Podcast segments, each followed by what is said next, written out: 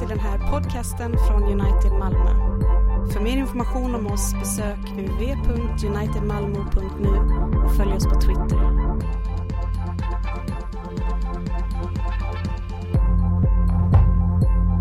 Hör så Herrens ord, hämtat ur evangelisten Sankt Johannes. En av de tolv, Thomas, som kallades Tvillingen, hade inte varit med när Jesus kom. De andra lärjungarna sa nu till honom, vi har sett Herren. Men han sa, om jag inte får se spikhålen i hans händer och sticka fingret i spikhålen och sticka handen i hans sida tror jag det inte. En vecka senare var lärjungarna samlade igen och Thomas var med. Då kom Jesus, trots att dörrarna var reglade, och stod mitt ibland dem och sa, frid åt er alla. Därefter sa han till Thomas, räck hit ditt finger, här är mina händer. Räck ut din hand och stick den i min sida. Tvivla inte utan tro. Då svarade Thomas, min Herre och min Gud. Jesus sa till honom, du tror därför att du har sett mig. Saliga de som inte har sett men ändå tror. Också många tecken som inte tagits med i denna bok gjorde Jesus i sina lärjungars åsyn. Men dessa har upptecknats för att ni ska tro att Jesus är Messias, Guds son, för att ni genom att tro skall ha liv i hans namn. Så lyder Herrens ord. Gud, vi tackar dig. Det är nästan lite banalt, den där öppningsrepliken som Jesus har, frid åt er alla. Peace be with you. Peace be with all of you. Lite extra krydda det där med alla. Inga basuner, inga trumpeter, ingen röd matta, ingen Oscarsgala, ingen kungörelse av and the winner is. Utan bara det här, frid åt er alla.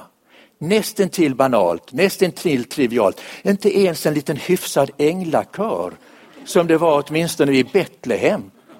Utan han kommer bara där, lugnt, stilla, frid åt er alla. Sen kan man fundera vidare för det finns ett par saker som väcker min lilla irritation när jag läser det här evangeliet. Och Jesus ska man inte bli irriterad på så jag tänker det måste finnas någon mening.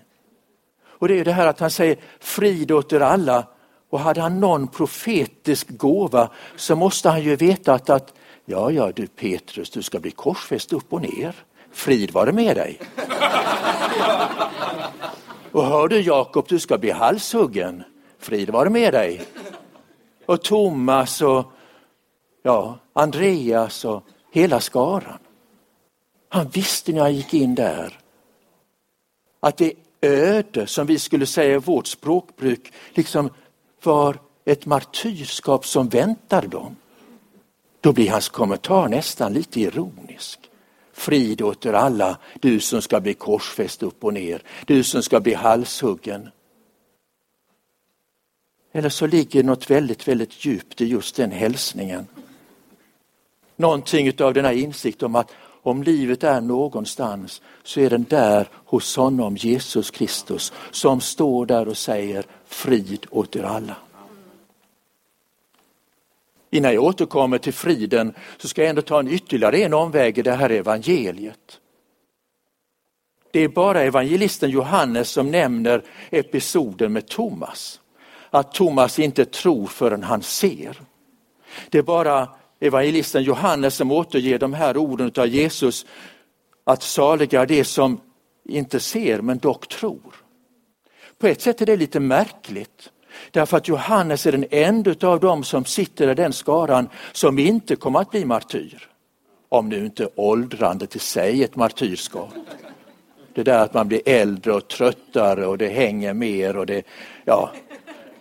Speglarna på den tiden var inte riktigt lika bra. Så det var inte lika obarmhärtigt att se sitt eget åldrande. Men Johannes lär ju ha blivit 90, uppåt 100 år gammal. Och Det märkliga här att just han refererar till det här, det är att är det någon som betonar Jesus synlighet efter uppståndelsen så är det Johannes. För sitt första brev inleder han just på det sättet. Att han talar om det vi har hört och sett, det vi har tagit på med våra händer, det vi har känt, det vi har skådat, det vi har gripit om, det blev synligt. Livet självt, livet självt säger han, blev synligt.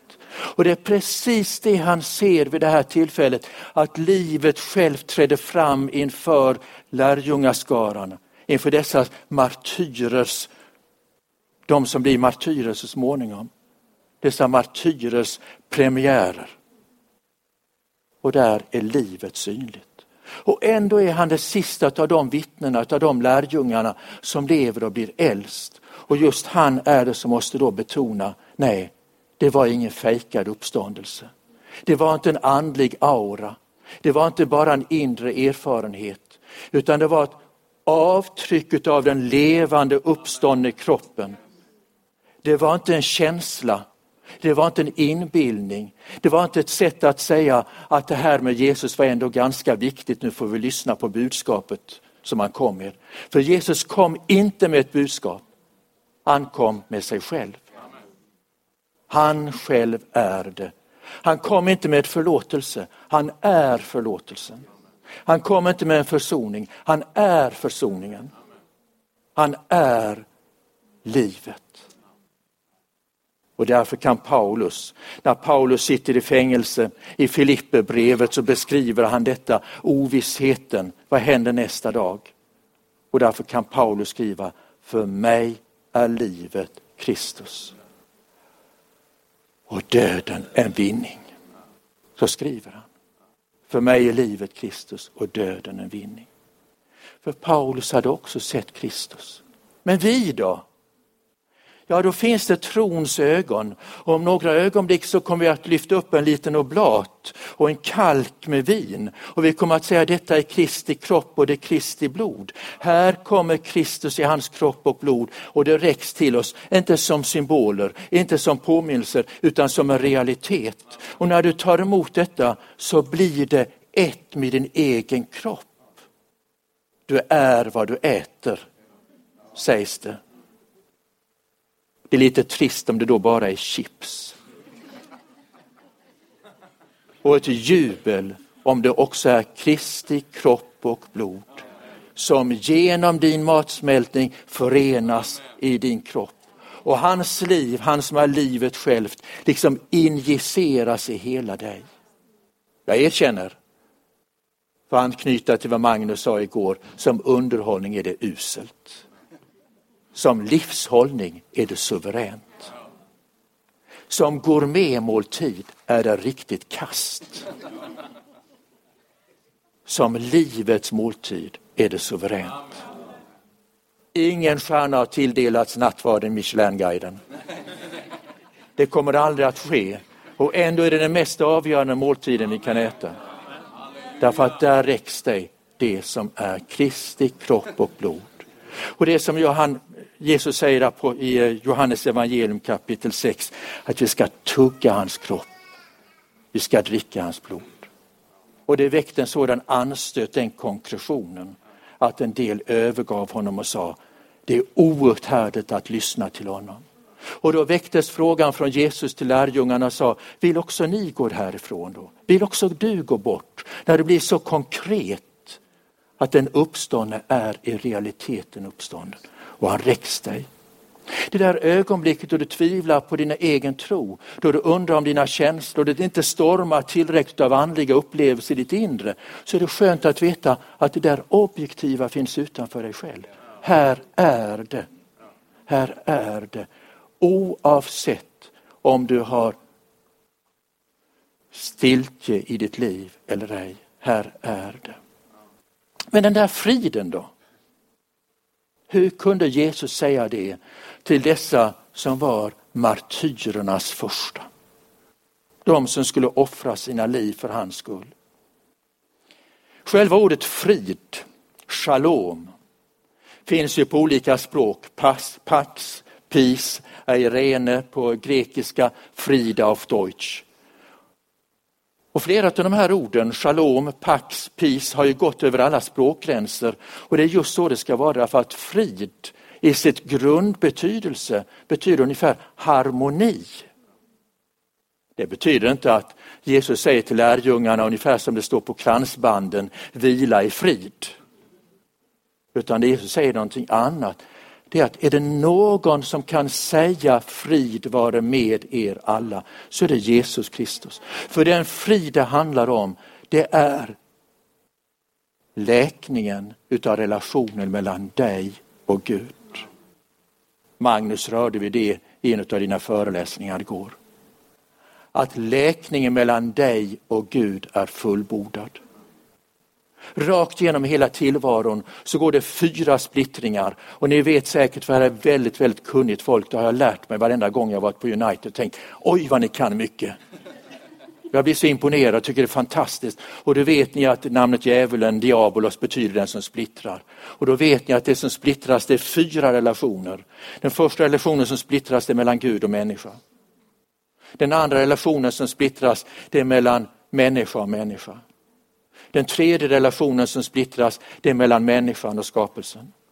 Och den fjärde relationen som splittras det är den som går rakt genom mig själv att man inte förstår sig själv. Så kluven jag är, en vill jag det ena, en vill jag det andra. Och jag som har beslutat mig för att bara tänka rena tankar blir alldeles besatt av orena tankar. Den splittringen går rakt igenom hela tillvaron och i Jesus Kristus så är den shalom. Där relationen till Gud läks. Och du har frid med Gud trots hjärtats oro. Någon har sagt, himlen strävar efter att bryta ner dig, du är i nåden. Vad betyder det? Jo, det betyder att det där ögonblick då allting skälver och jag inte längre kan hålla kvar i mig själv. Ni vet att det bara är en som har lyckats lyfta sig själv i håret.